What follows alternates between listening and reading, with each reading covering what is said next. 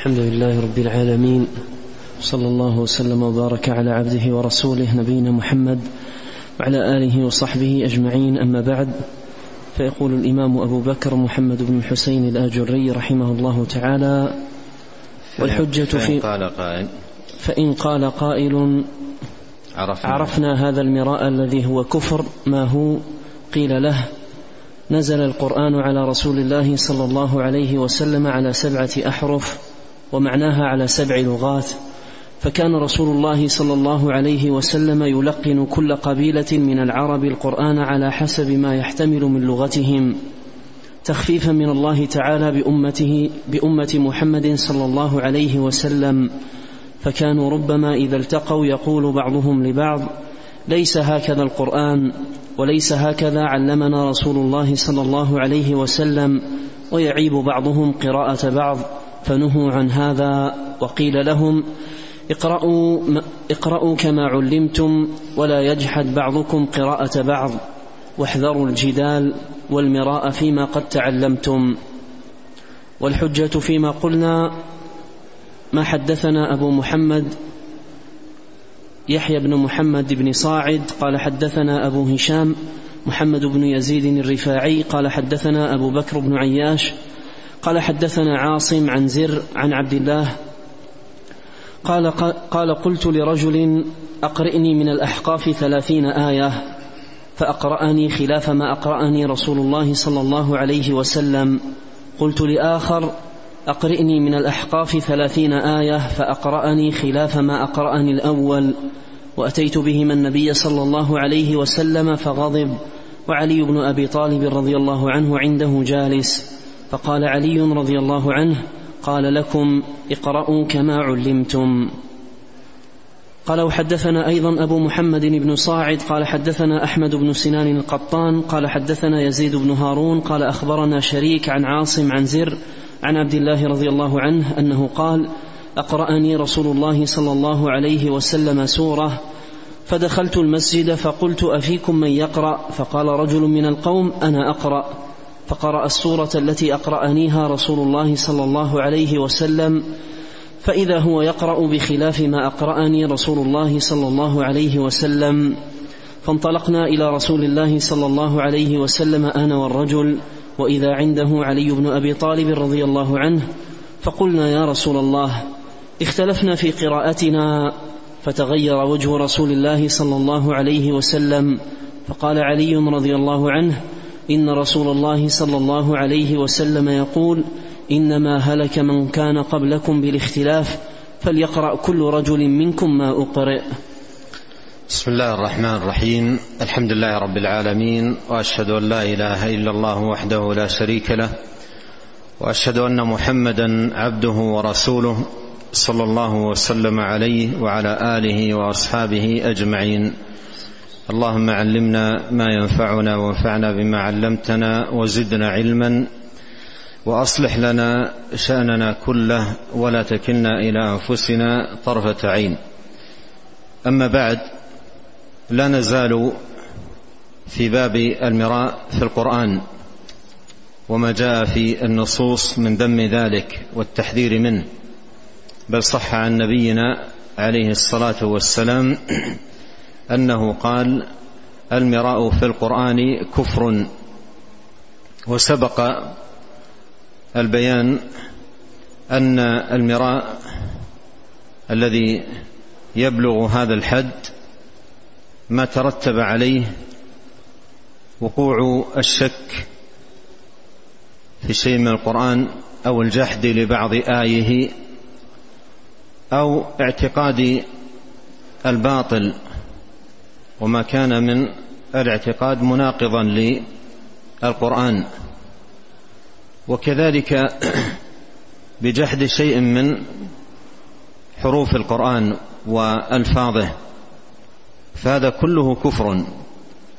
فهذا كله كفر لأن الله سبحانه وتعالى أنزل هذا القرآن هداية للعالمين ولتأتلف القلوب بهذا القرآن على طاعة رب العالمين ولتستقيم أحوال العباد ولهذا امروا أن يعتصموا بحبل الله جميعا وألا يتفرقوا. فإذا كان هذا الاختلاف والمراء في كتاب الله عز وجل يترتب عليه الفرقة ويترتب عليه تباين المعتقد أو وقوع الشك في شيء من كلام الله أو الرد لشيء منه أو نحو ذلك فهذا كله يتصادم مع ما أنزل القرآن من أجله. فالقرآن أنزل هداية للعالمين وصلاحا للعباد. ثم لما ذكر رحمه الله تعالى شيئا من النصوص في ذم المراء في القرآن ولا سيما قول النبي عليه الصلاة والسلام المراء في القرآن كفر قال عرفنا هذا المراء الذي هو كفر ما هو. عرفنا هذا المراء الذي هو كفر ما هو. فبين ولعله أراد بذلك والله تعالى أعلم التمثيل. لا الحصر في ما ذكر. فذكر رحمه الله تعالى قول آه، النبي عليه الصلاة والسلام أنزل هذا القرآن على سبعة أحرف. وبين أن المراد بالأحرف هنا السبع ان الأحرف هنا سبع لغات. من لغات العرب أي لهجاتهم. والعرب كانوا قبائل وكل قبيلة منفصلة عن الأخرى بعاداتها ولهجاتها. وربما في كلمات كثيرة مستعملة عند قبيلة لا تكون مستعملة عند الأخرى. وربما لم يفهم من قيلت عنده هذه الكلمة حتى يستوضح.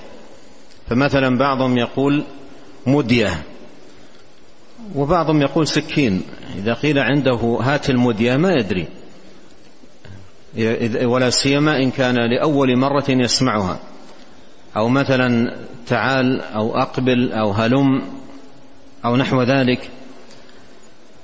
فأول ما نزل القرآن نزل على سبعة أحرف فكان النبي عليه الصلاة والسلام إذا لقن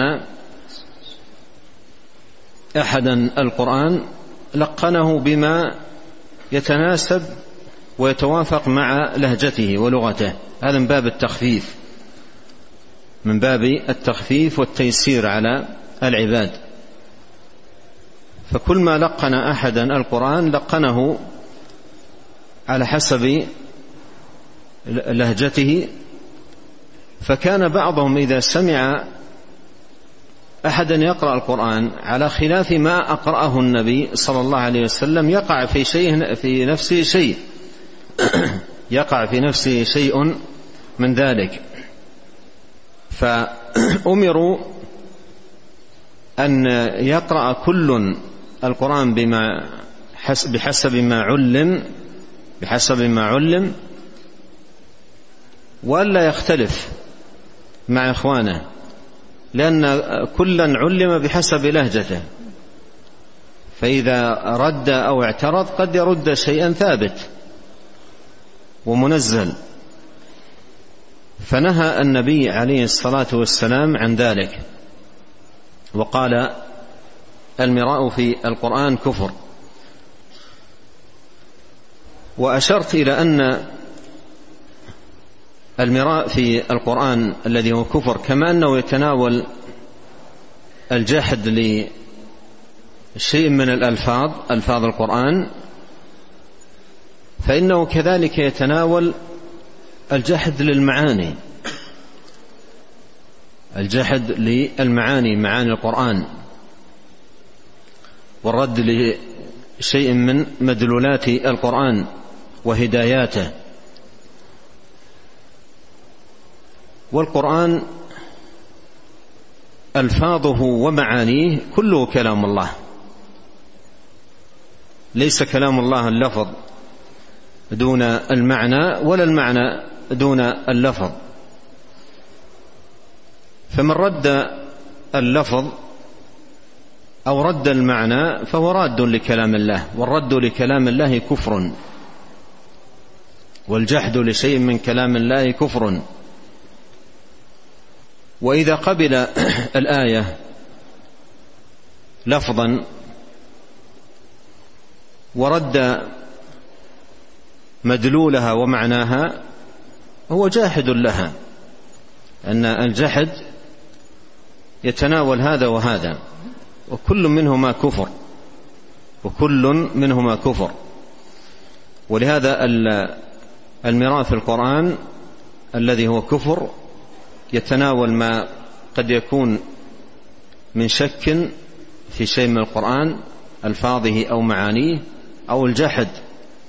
كذلك أو اعتقاد الباطل المصادم لما جاء في كتاب الله سبحانه وتعالى أو الجحد لشيء من ألفاظ القرآن فهذا كله كفر. ثم أورد رحمه الله تعالى الحجة فيما ذكر فساق حديث عبد الله بن مسعود في أن النبي عليه الصلاة والسلام أقرأه من الأحقاف. نعم عن عبد الله بن مسعود قال قلت لرجل أقرئني من الأحقاف ثلاثين آية فأقرأني خلاف ما أقرأني رسول, رسول الله صلى الله عليه وسلم. قلت لآخر أقرئني من الأحقاف ثلاثين آية فأقرأني خلاف ما أقرأني رسول الله ما أقرأني الأول وأتيت بهما النبي صلى الله عليه وسلم فغضب أي لهذا الاختلاف في في القرآن وعلي رضي الله عنه عنده جالس فقال علي رضي الله عنه اقرأوا كما علمتم اقرأوا كما علمتم. وفي الرواية الأخرى قال إن رسول الله صلى الله عليه وسلم يقول إنما هلك من كان قبلكم بالاختلاف فليقرأ فليقرأ كل رجل منكم ما أقرئ. وأيضا سبق الإشارة إلى أن هذه الأحرف انتهت في زمن عثمان في المصحف الذي جمع الناس عليه باتفاق الصحابة على حرف واحد. جمعهم على حرف واحد لأنه لما آه، قوي الإسلام وانتشر وشاع بين الناس وحصل التلاقي والاجتماع والائتلاف على الدين وتحادث الناس وتحاورهم بينهم. الأمر الأول الذي أنزل القرآن من أجله على سبعة أحرف تخفيفا لم يعد له حاجة كما هي في في في, في الزمان الأول وقت النزول. فجمعهم عثمان رضي الله عنه على حرف واحد وهو المثبت في مصحف عثمان رضي الله عنه وأرضاه وهذا حصل بإجماع الصحابة رضي الله عنهم وأرضاهم. الحاصل أن الآجري رحمه الله أشار أن من المراء الذي في القرآن والذي هو كفر الجحد لشيء من من ألفاظ القرآن وهو كذلك كما قدمت يتناول أيضا الجحد لشيء من المعاني نعم. قال رحمه الله تعالى وأخبرنا إبراهيم بن موسى الجوزي قال حدثنا يعقوب بن إبراهيم الدورقي قال حدثنا عبد الرحمن بن مهدي قال أخبرنا مالك بن أنس عن الزهري عن عروة عن عبد الرحمن بن عبد القاري عن عمر بن الخطاب رضي الله عنه قال سمعت هشام بن حكيم يقرأ سورة الفرقان في الصلاة على غير ما أقرأها. وكان رسول الله صلى الله عليه وسلم أقرأنيها فأخذت بثوبه فذهبت معه إلى رسول الله صلى الله عليه وسلم فقلت يا رسول الله إني سمعت هذا يقرأ سورة الفرقان على غير ما أقرأتنيها فقال اقرأ فقرأ, فقرأ القراءة التي سمعتها منه فقال هكذا أنزل إن هذا القرآن نزل على سبعة أحرف فاقرأوا ما تيسر منه. ثم أورد حديث عمر رضي الله عنه في قصته مع هشام بن حكيم وهو بمعنى الذي قبله. كان عمر رضي الله عنه سمع هشاما يقرأ سورة الفرقان في الصلاة على على غير ما أقرأها على غير ما يقرأها رضي الله عنه وأرضاه. وكان رسول الله صلى الله عليه وسلم أقرأنيها.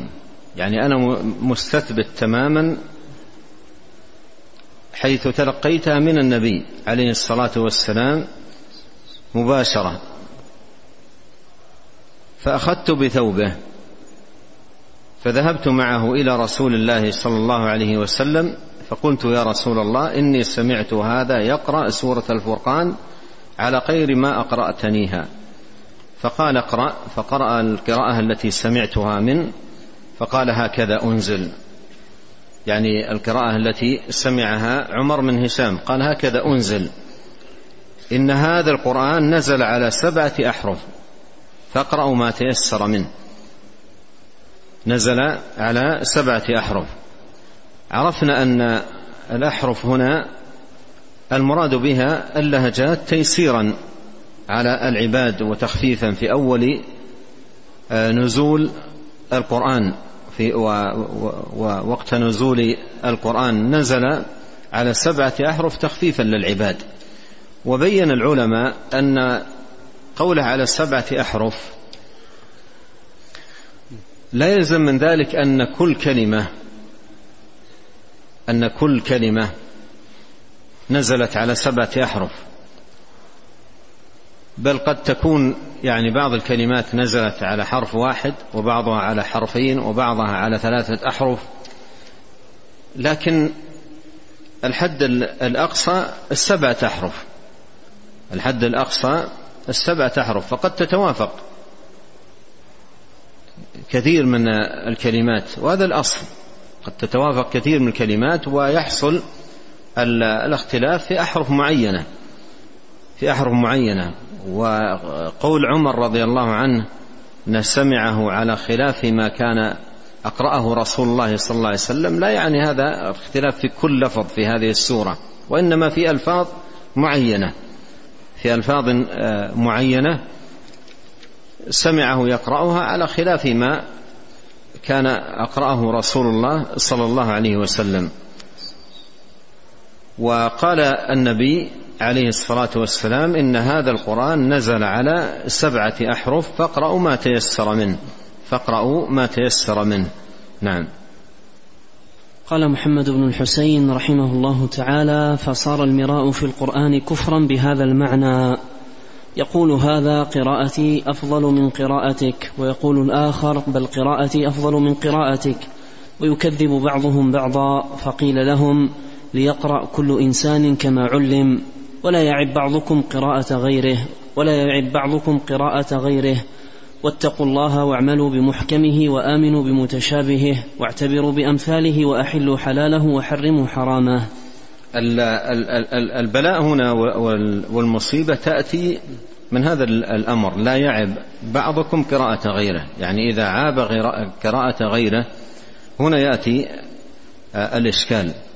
لأنه إن عاب قراءة غيره وكانت هذه القراءة من الأحرف المنزلة فيكون رد شيئا منزلا فيأتي, فيأتي الإشكال والخلل من هنا لا يعب بعضكم قراءة غيره. واتقوا الله واعملوا بمحكمه وآمنوا بمتشابهه. هذا أيضا متعلق بالمعاني معاني القرآن. وكما قدمت يتناوله ما جاء من نهي عن مراء في القرآن. آمنوا بمتشابهة أي ما تشابه من آية القرآن. اشتبه على الإنسان ظنه معارضا لبعض الآيات الأخرى أو مصادما لها. لا يعتقد شيئا من ذلك. أو لا يقع في قلبه شك في كتاب الله أن فيه تعارض أو نحو ذلك لأن هذا يدخل في المعنى المتقدم المراد في القرآن كفر. بل عليه أن يعمل بالمحكم وأن يؤمن بالمتشابه لا يرد شيء من القرآن. حتى ما اشتبه عليه لا يرده بل يؤمن بالقرآن يؤمن بكلام الله وبما جاء عن الله على مراد الله سبحانه وتعالى. والراسخون في العلم الراسخون في العلم نهجهم في المتشابه أن يرد إلى المحكم فيزول.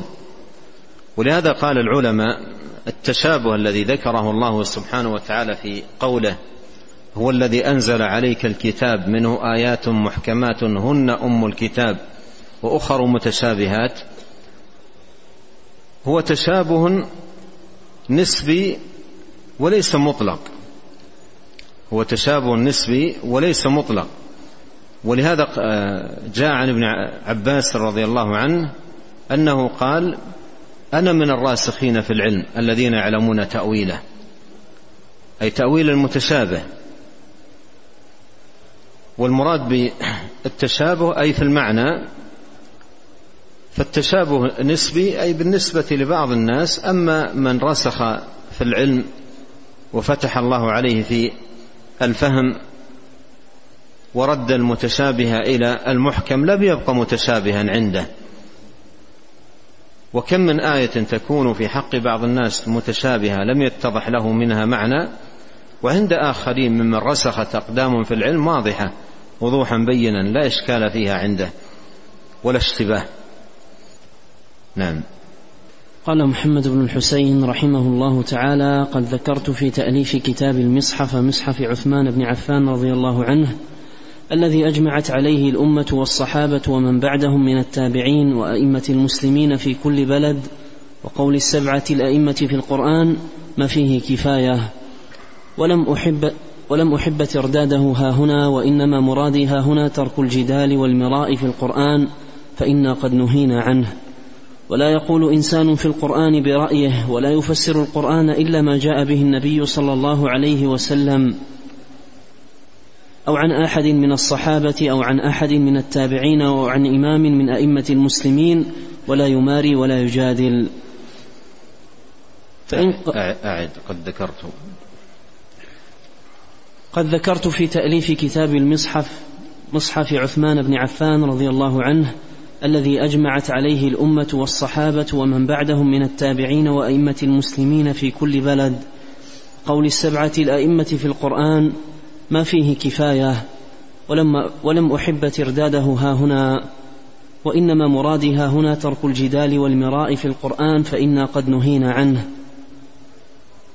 ولا يقول إنسان في القرآن برأيه ولا يفسر القرآن إلا بما جاء به النبي صلى الله عليه وسلم أو عن أحد من الصحابة أو عن أحد من التابعين أو عن إمام من أئمة المسلمين ولا يماري ولا يجادل. نعم. هنا يعني أشار رحمه الله تعالى إلى أنه في هذا الموضع راعى الاختصار وأشار إلى أن له في ذلك مصنف مفرد. سماه كتاب المصحف. أفرده في ذلك وجمع فيه من النقول والروايات والأخبار وتوسع في ذلك.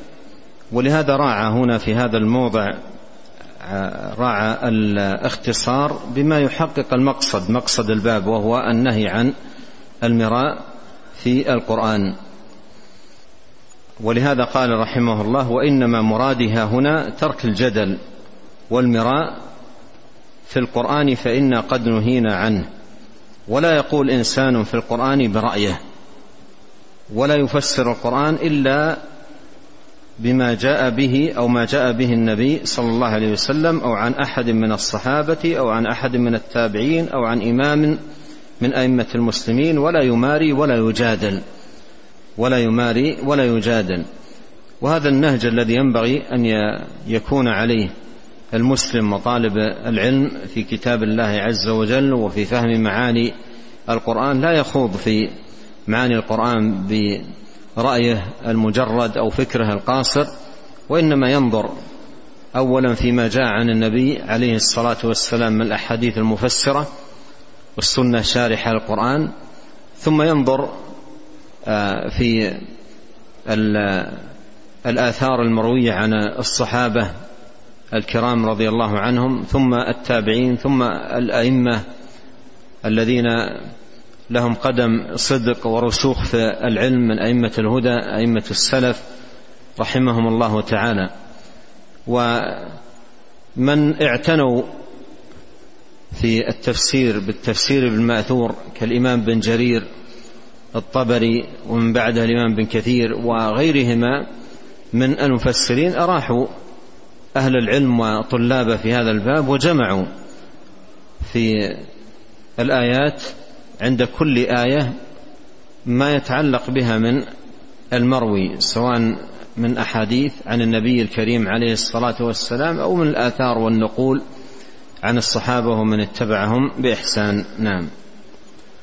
قال رحمه الله تعالى فإن قال قائل فانا قد نرى الفقهاء يتناظرون في الفقه فيقول أحدهم قال الله تعالى كذا وقال كذا فهل يكون هذا مراء في القرآن؟ قيل معاذ الله ليس هذا مراء فإن الفقيه ربما نظره الرجل في مسألة فيقول له على جهة البيان والنصيحة حجتنا فيه قال الله تعالى كذا وقال النبي صلى الله عليه وسلم كذا على جهة النصيحة والبيان لا على جهة الممارات. فمن كان قال هكذا ولم يرد المغالبة ولا أن يخطئ ولا أن يخطئ خصمه ويستظهر عليه أو ولا أن يخطئ خصمه ويستظهر عليه سلم وقبل إن شاء الله كما ذكرنا في الباب الذي قبله. قال الحسن المؤمن لا يداري ولا يماري ينشر حكمة الله فإن قبلت حمد الله وإن ردت حمد الله. وبعد هذا فأكره الجدال والمراء ورفع الصوت في المناظرة في الفقه إلا على الوقار والسكينة.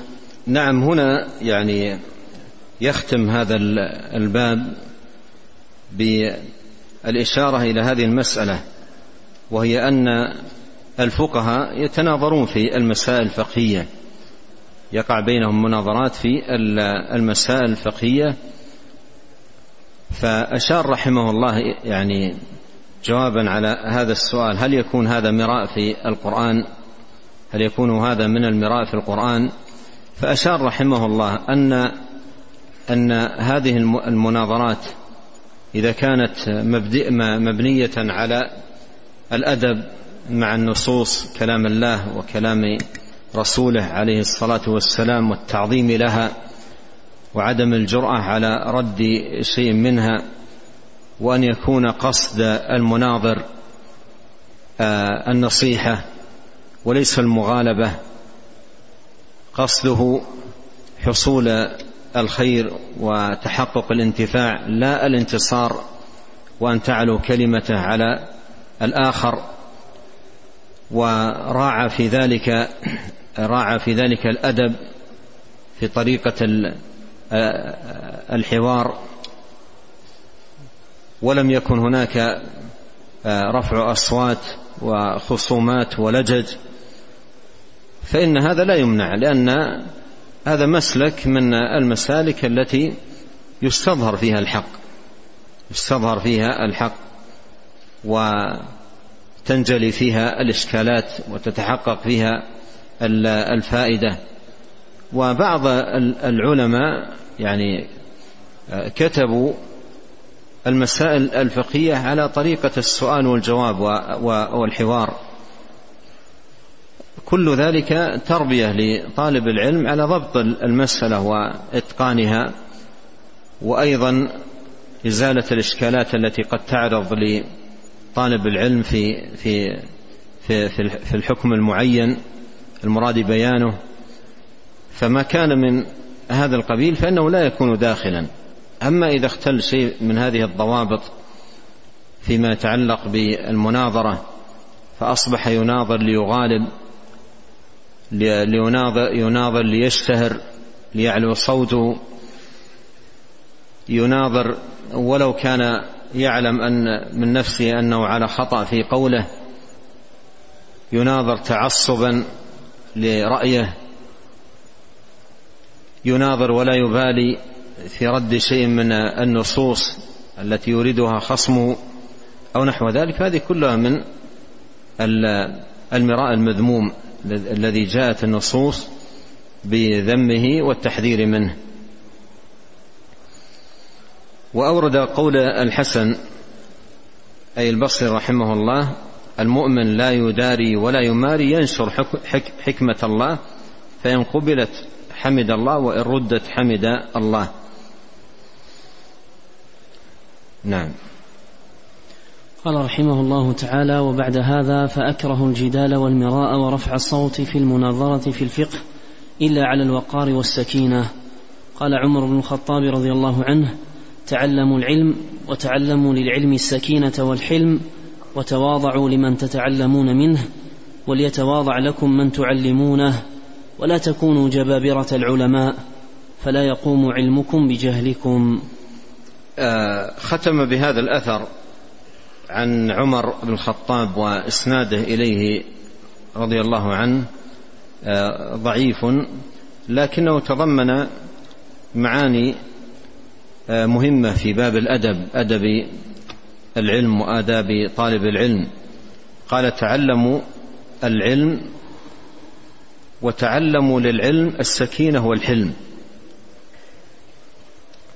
تعلموا العلم وتعلموا للعلم السكينة والحلم. أي أن طالب العلم أن طالب العلم كما أنه ينبغي أن يحرص على العلم ينبغي أن يحرص مصاحبا لعناية بالعلم على آداب العلم.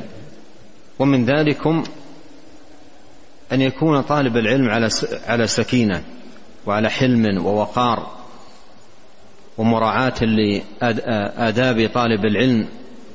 حتى قال عبد الله بن مبارك كاد أن يكون الأدب ثلثي العلم لعظيم مكانته. والأدب عنوان فلاح صاحبه ونجاحه في طلبه للعلم وفي حياته كلها. وإذا ذهب عن طالب العلم أدب العلم ذهبت عنه بهجة العلم ونوره. ولهذا كما أنه ينبغي على طالب العلم أن يعنى بتعلم العلم نفسه أيضا يتعلم معه آداب العلم من السكينة والوقار والحلم والأنات ونحو ذلك من الآداب الرفيعة والأخلاق العظيمة. ومن ذلكم أيضا التواضع قال وتواضعوا لمن تتعلمون منه وليتواضع لكم من من تعلمونه. أي تواضع بين تواضع متبادل بين العالم والمتعلم. العالم والمتعلم. كل منهما يتواضع للآخر ومن تواضع لله سبحانه وتعالى رفعه. يتواضع لإخوانه لله عز وجل مخلصا. لأن التواضع أيضا مثل غيره من الأعمال. قد يتواضع للآخرين رياء وقد يتواضع لله سبحانه وتعالى وطلبا للرفعة من الله عز وجل ومن تواضع لله رفعه. قال ولا تكونوا جبابرة العلماء ولا تكونوا جبابرة العلماء يعني لا تكون حالكم مع العلم حال الجبابرة يعني يتعاملون مع الناس باستعلاء وترفع عليهم وتكبر ونحو ذلك من فعل الجبارين. لا لا تكونوا جبابرة العلماء. جبابرة العلماء يعني من يكون عنده علو وترفع على الناس وعجب بنفسه وازدراء بالآخرين وانتقاص لهم. لا تكونوا جبابرة العلماء فلا يقوم علمكم بجهلكم. أي أن هذا العلم الذي يحصله لا يقوم ما دام على هذا الجهل الذي هو التجبر والتكبر والتعالي على العباد. فإن هذه المعاني إن وجدت في عالم لم يقم علمه لم يقل لم يقم علمه. كانت من موجبات عدم قيام علمه. ونسأل الله الكريم رب العرش العظيم أن ينفعنا أجمعين بما علمنا وأن يزيدنا علما وأن يصلح لنا شأننا كله وألا يكلنا إلى أنفسنا طرفة عين وأن يغفر لنا ولوالدينا ولمشايخنا ولولاة أمرنا وللمسلمين والمسلمات والمؤمنين والمؤمنات الأحياء منهم والأموات. اللهم آت نفوسنا تقواها وزكها أنت خير من زكاها أنت وليها ومولاها. اللهم اقسم لنا من خشيتك ما يحول بيننا وبين معاصيك ومن طاعتك ما تبلغنا به جنتك ومن اليقين ما تهون به علينا مصائب الدنيا. اللهم متعنا بأسماعنا وأبصارنا وقوتنا ما أحييتنا واجعله الوارث منا واجعل ثأرنا على من ظلمنا وانصرنا على من عادانا. ولا تجعل مصيبتنا في ديننا ولا تجعل الدنيا أكبر همنا ولا مبلغ علمنا ولا تسلط علينا من لا يرحمنا. سبحانك اللهم وبحمدك أشهد أن لا إله إلا أنت أستغفرك وأتوب إليك. اللهم صل وسلم على عبدك ورسولك نبينا محمد وآله وصحبه. جزاكم الله خيرا.